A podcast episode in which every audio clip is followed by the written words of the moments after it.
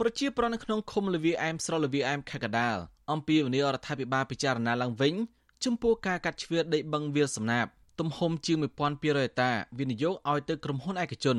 ប្រជាប្រដ្ឋបញ្ជាក់ថាការសម្រេចចិត្តបែបនេះមានផលពិបាកច្រើនដូចជាការបាត់បង់ប្រភពទឹកដែលសំខាន់ដែលអ្នកស្រុកទាញយកមកស្រោចស្រពដំណាំនិងផលប៉ះពាល់ទីកន្លែងនេសាទត្រីរបស់ពលរដ្ឋជាដើមលោកស៊ីសេងគឺជាពលរដ្ឋនៅក្នុងឃុំលវីអែមដែលធ្លាប់អាស្រ័យផលនៅបឹងនេះជាយូរឆ្នាំមកហើយ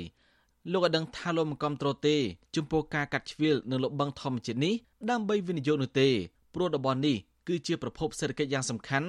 ដែលប្រជាពលរដ្ឋរាប់ពាន់គ្រួសារអាស្រ័យផលដូចជាដាំឈូកនេសាទត្រី និងធ្វើកសិកម្មជាដើមលោកថានៅរយៈពេលជាមួយឆ្នាំចុងក្រោយនេះក្រមអ្នកមានអំណាចបានសាងសង់ទំនប់ធំធំហុំព័ទ្ធបឹងមីនេះផ្នែកធំ ដើម្បីត្រៀមយកខ្សែចាក់លុងហើយមានផ្នែកខ្លះទៀតមានការទិញលក់ដីបឹង ពីប្រជាប្រដ្ឋក្នុងមូលដ្ឋានក្នុងតម្លៃថោកថោកលោកបន្ថែមថាអ្នកភូមិភាគច្រើនមិនទទួលបានព័ត៌មានលម្អិនអំពីគម្រោងវិនិយោគខ្នាតធំនេះទេលោកទទូចឲ្យរដ្ឋាភិបាលត្រូវរក្សាបឹងនេះឲ្យគង់វង្សដើម្បីបម្រើវិស័យទេសចរព្រមទាំងដើម្បីប្រយោជន៍រួមរបស់ប្រជាពលរដ្ឋនិងបរិស្ថាន គួរបារម្ភថាអត់មានបឹងហៅទៀតព្រោះអីប្រជាជននៅហ្នឹងហួហៅដោយសារហៅថៃហៅអីហ្នឹងដាក់ម៉ងដាក់ទទូកាយគេធ្វើប្រាំងលើគេធ្វើស្រែគេទាញទឹកពីបឹងមកដែរបងគេច្រើនធ្វើឈូកធ្វើស្រែដល់ធ្វើឥឡូវព្រួយបារម្ភដែរព្រោះទឹកអត់ចូលអញ្ចឹងពិបាកគេធ្វើពួកគេបិទទ្វារទឹកទ្វារអីពួកអីគេអ្នកធំធំគេអ្នកទិញបាត់បង់គេសើអ្នកកងគ្រាន់បើឥឡូវដីតំបន់ហ្នឹងគេលក់ឲ្យអ្នកមានអ្នកមានអត់ប្រជាប្រដ្ឋរំនេះបន្ថែមថាអ្នកភូមិនៅជុំវិញបឹងនេះចំនួន2ស្រុង អាចរកចំណូលបានពីការដាំឈូកជាច្រើនពាន់ដុល្លារក្នុងមួយឆ្នាំមួយឆ្នាំលោកបញ្ជាក់ថាប្រសិនបើក្រុមហ៊ុនចាក់លុបបឹងនេះពួកគេនឹងបាត់បង់ទីកន្លែងអាស្រ័យផលចិញ្ចឹមជីវិតនៅថ្ងៃខាងមុខបឹងវាលសំណាមមានទំហំសរុបជិត5000ហិកតាស្ថិតនៅក្នុងស្រុកលវីអែមនិងស្រុកខ្សាច់កណ្ដាលខេត្តកណ្ដាលកាលពីខែមេសាឆ្នាំ2020លោកនាយករដ្ឋមន្ត្រីហ៊ុនសែនបានចេញអនុក្រឹត្យកាប់ផ្ទៃបឹងនេះទំហំជា1200ហិកតាធ្វើអនុប្រយោគជាដីឯកជនរបស់រដ្ឋ ហើយបានចុះបញ្ជីជូនរដ្ឋបាលខេត្តកណ្ដាលការកាត់ជ្រៀតដីបឹងធម្មជាតិដ៏ធំនេះធ្វើឡើងបន្ទាប់ពីមានសំណើសុំជួលដី ពីសំណាក់ក្រុមហ៊ុនរបស់អាញាខុនសៀសេដ្ឋីអចលនទ្រាំដែលកំពុងចាក់ដីលុបទន្លេមេគង្គដ៏សម្បើមនៅតំបន់អរិយខ្សាត់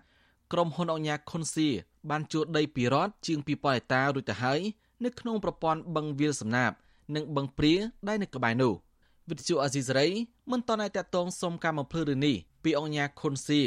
អភិបាលខេត្តកណ្ដាលលោកកុងសុផននិងអ្នកនាំពាក្យរដ្ឋាភិបាលលោកផៃសិផានបាននៅឡើយទេ នៅថ្ងៃទី13ខែសីហាដោយទូរស័ព្ទហៅចូលតែគ្មានអ្នកលើកប៉ុន្តែលោកផៃសិផានធ្លាប់ប្រាប់វិទ្យុអាស៊ីសេរីថាស្ថាប័នជំនាញមានគោលការណ៍ច្បាស់លាស់ថាបឹងប្រមាណដែលត្រូវលំហើយមានបឹងប្រមាណត្រូវរក្សាទុកដើម្បីអភិរក្សដែលមានក្រសួងធនធានទឹកនិងក្រសួងបរិស្ថានជាអ្នកធ្វើកិច្ចការងារនេះ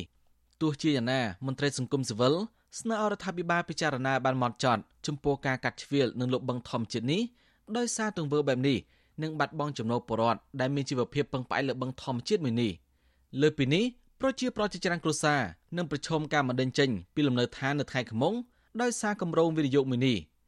មន្ត្រីចុងខ្ពស់ផ្នែកប្រព័ន្ធផ្សព្វផ្សាយនៃសមាគមបណ្ដាញយុវជនកម្ពុជា CYN លោកម៉ាចត្រាទទូចឲ្យរដ្ឋាភិបាលគួរតែទទួលយកសំណុំពររបស់ពលរដ្ឋមកពិចារណាដោយសារបបពិសោធន៍កន្លងទៅ រដ្ឋាភិបាលលោកបឹងជាច្រើននៅក្រុងភ្នំពេញបានធ្វើទឹកលេខទីក្រុងនៅក្នុងរដូវវស្សារ